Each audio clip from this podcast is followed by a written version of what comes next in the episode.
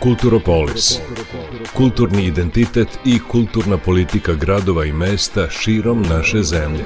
Kako su nekada izgledali, po čemu su danas prepoznatljivi i u kom pravcu će se razvijati u budućnosti. Na proputovanju sa Ivanom Maletin Ćorilić.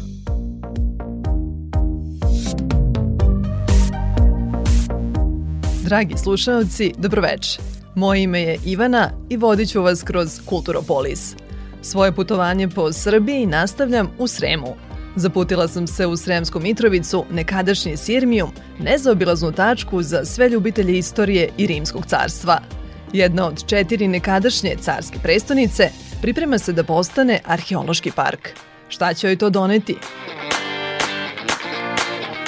Sirmijum su krajem prvog veka osnovali Rimljani, podigavši vojno utvrđenje radi zaštite od varvara i dajući mu, najverovatnije, naziv po jednom od plemena koje su tu prethodno živela, Sirmijensima. Privukao ih je prvenstveno zbog svog položaja, jer se nalazio na glavnom kopnenom putu koji je povezivao severnu Italiju sa Crnim morem na svega 60 km od Petrovaradina, tadašnje granice carstva. Bio je dovoljno udaljen od granice da omogući bezberan boravak cara i njegove porodice, dok im je Sava služila za vodeni transport. U tom antičkom gradu rođeno je čak šest rimskih careva, među kojima je i Marko Aurelije Prob, koji je doneo vinovu lozu u naše krajeve. Najveći procvat Sirmijom je doživeo za vreme vladavine Dioklecijana. Objašnjava Biljana Lučić, arheolog-konzervator, u Zavodu za zaštitu spomenika kulture u Sremskoj Mitrovici. Tek pred kraj trećeg veka uh, dolazi stvari do jedne velike reorganizacije rimske države, kada je ona na izvestan način i decentralizovana. Te velike reforme uveo je car Dioklecijan i od upravo tog perioda Sirmium postaje jedno od sedišta rimske uprave. Znači, on je svojim reformama rimsku državu podelio na četiri dela i ovde je osnovana predstavnica i upravo e, carska palata nam o tom svedoči, znači da je e, stalno sedište e, imperatora bilo tu.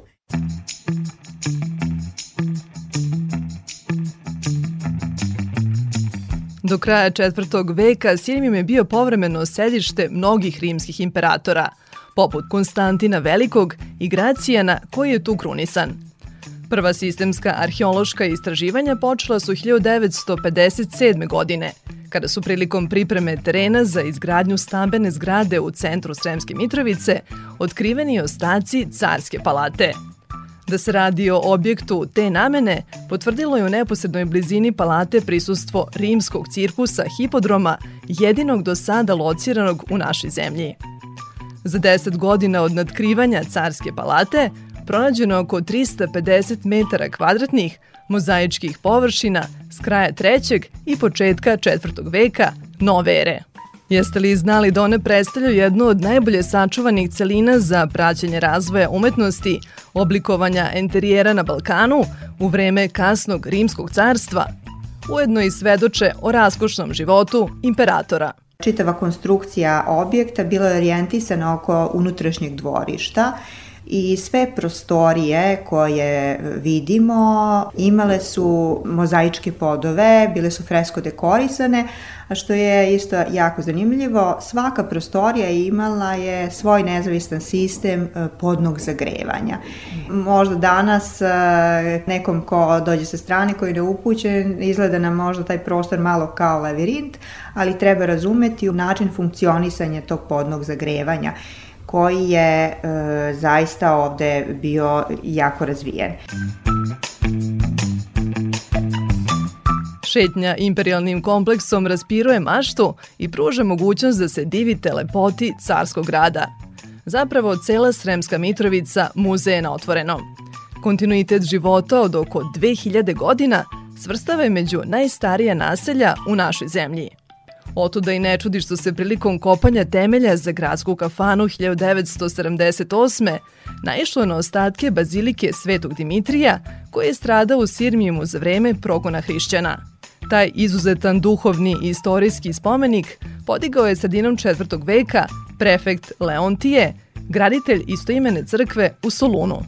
Zanimljivo je da se i danas u Bazilici služe liturgije, podsjeća Biljana Lučić iz Zavoda za zaštitu spomenika kulture. Znamo da se tokom srednjeg veka upravo ovaj grad nazivao Civitas Sancti Demetri, odnosno grad Svetog Dimitrija i da je postojao manastir koji je bio posvećen njemu a i dan danas Sveti Dimitrije je zaštitni grada, njegov patron i na e, prostoru današnjeg grada imamo i pravoslavnu i katoličku crkvu koji su posvećeni ovom svetitelju. Po Sremskoj Mitrovici je Srem dobio ime, a po Svetom Dimitriju je Mitrovica dobila ime. Upravo u stvari u ove dve reči, Sremska Mitrovica, kriju se, da kažem, izvori iz antičkog vremena. Bazilika Svetog Dimitrija jedne od glavnih znamenitosti Sremske Mitrovice. Prema podacima turističke organizacije grada Sremska Mitrovica, najveći grad u Sremu, jedan od najstarijih gradova u Srbiji, godišnje poseti oko 60.000 turista.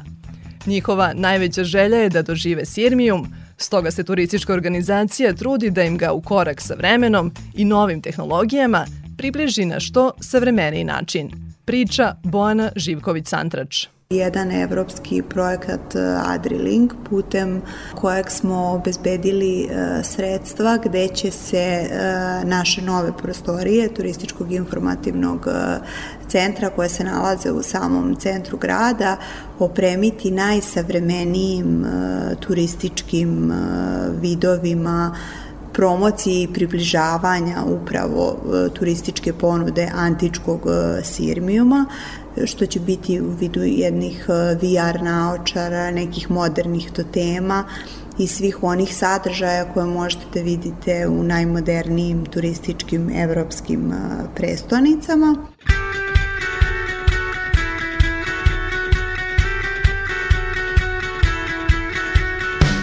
Budući da su se festivali u prošlosti pokazali kao najbolji vid promocije, Sremska Mitrovica je u svoju turističku ponudu uvrstila nekoliko festivala. Carski Sirmijum, grad legendi, za kratko vreme zauzeo je posebno mesto u srcu Sremsko-Mitrovčana. Fokus tog festivala je bio da se kako turisti, a tako i lokalno stanovništvo e, vrati u period e, antičkog nasleđa i da se oživi e, period rimskog carstva i načina života koji se tada vodio. Učesnici festivala su bile sve ustanove kulture i sve to je podržao grad Sremska Mitrovica. Reakcije su bile izrazito pozitivne.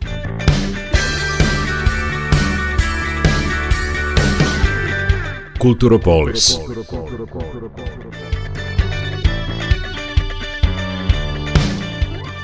Kreativni studio Teatar Gartel od početka učestvuje u oživljavanju legendi drevnog carskog grada.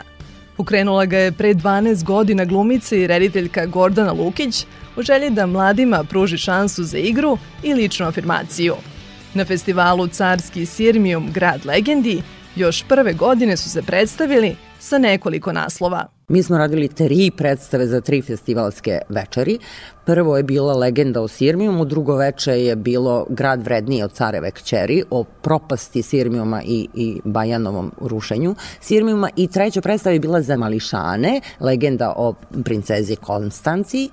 To je bilo veliki ansambl, tu su se uključili i folkloraši i neki sportisti koji su nam trebali za legionare i, i plesni studio Olena, tako da je tu bilo jako puno izvođača, svime time rukovoditi nije ni malo lako, ali meni je ipak najteži bio da napisati scenario koji ima uporište u istoriji, a mnogo toga mi ne znamo. Univerzalnost pozorišnog jezika omogućava da se istorijske priče jednog naroda daleko čuju. Mi smo zaista to onako megalomanski radili, ali recimo kad dođu turisti, nas 5-6, okupi se 8, mi neku minijaturu pozorišnu odigramo. I dođu turisti recimo iz Mađarske, velikim kruzerom, oni ne razumeju jezik, ali pozorište govori u, univerzalnim jezikom. Oni su sve razumeli.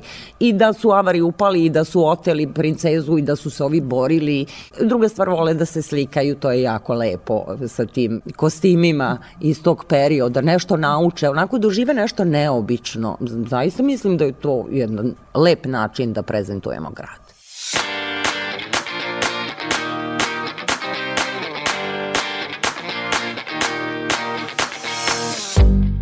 Pečat centralnom gradskom jezgru Sremske Mitrovice daju uske krivudave ulice i trougoni trgovi koji datiraju još iz rimskog perioda. Nastavljam istraživanje grada posetom lapidarijumu koji posjeduje najbogatiju kolekciju kamenih spomenika u Srbiji. Među više od 2000 predmeta nalazi se i jedan od simbola grada, mermerni sunčani sad. Nedavno je otkriven jedan eksponat koji predstavlja pravi raritet u svetu, pehar sa kavezom, objašnjava Jasmina Davidović, muzejska savjetnica. To je znači nađeno u Sirmijumu, gde je pronađeno je deo carske palate, ekskluzivni nalaz koji sad ja pokušavam da napišem članak. Najverovatnije je bio za ispijanje nekih pića imperatora, jer tako luksuzno, zamislite, samo ima 50-ak. Neki su celi, neki su fragmentovani i postoji nekoliko ljudi koji se samo bave tom vrstom na svetu, koji su odmah mene kontaktirali i tražili dalje podatke. Brendiranju Sremske Mitrovice kao antičkog grada i jedne od četiri nekadašnje prestonice Rimskog carstva na svetskom nivou, najviše bi mogao da doprinese evropski projekat Arheo Danjub, u koji je Muzej Srema uključen kao partner. To je projekat koji u stvari e, pokušava da brendira Sirmium kao arheološki park. Šta je arheološki park? To je otvoreni muzej gde ljudi imaju pristup da mogu da vide E, razne stvari vezane za arheologiju ovde kod nas za rimski period i za Sirmiju. Veoma je kompleksan projekat i u okviru projekta, pored gomile stvari koje smo uradili, e, mi ćemo dati predlog lokalnog arheološkog plana kojim će se u stvari uraditi to brendiranje, povezivanje svih lokaliteta. Zahvaljujući projektu Arheo Danjub, bit će obogaćena i ponuda Muzeja Srema. Napravit ćemo pilot projekat gde ćemo malo muzej obogatiti sa raznim sadržajima, što je isto deo projekta, da se uradi e, nova interpretacija arheološkog nasleđa e, putem e, panoa, pošto ljudi još uvek vole da pročitaju nešto na nekom panovu, i raznih digitalnih inovacija poput 3D animacija,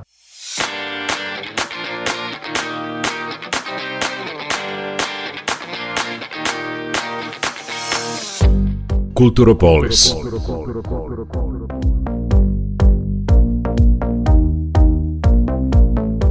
Dragi slušalci, stigli smo do kraja putovanja kroz Sirmijum od antike do današnjeg dana.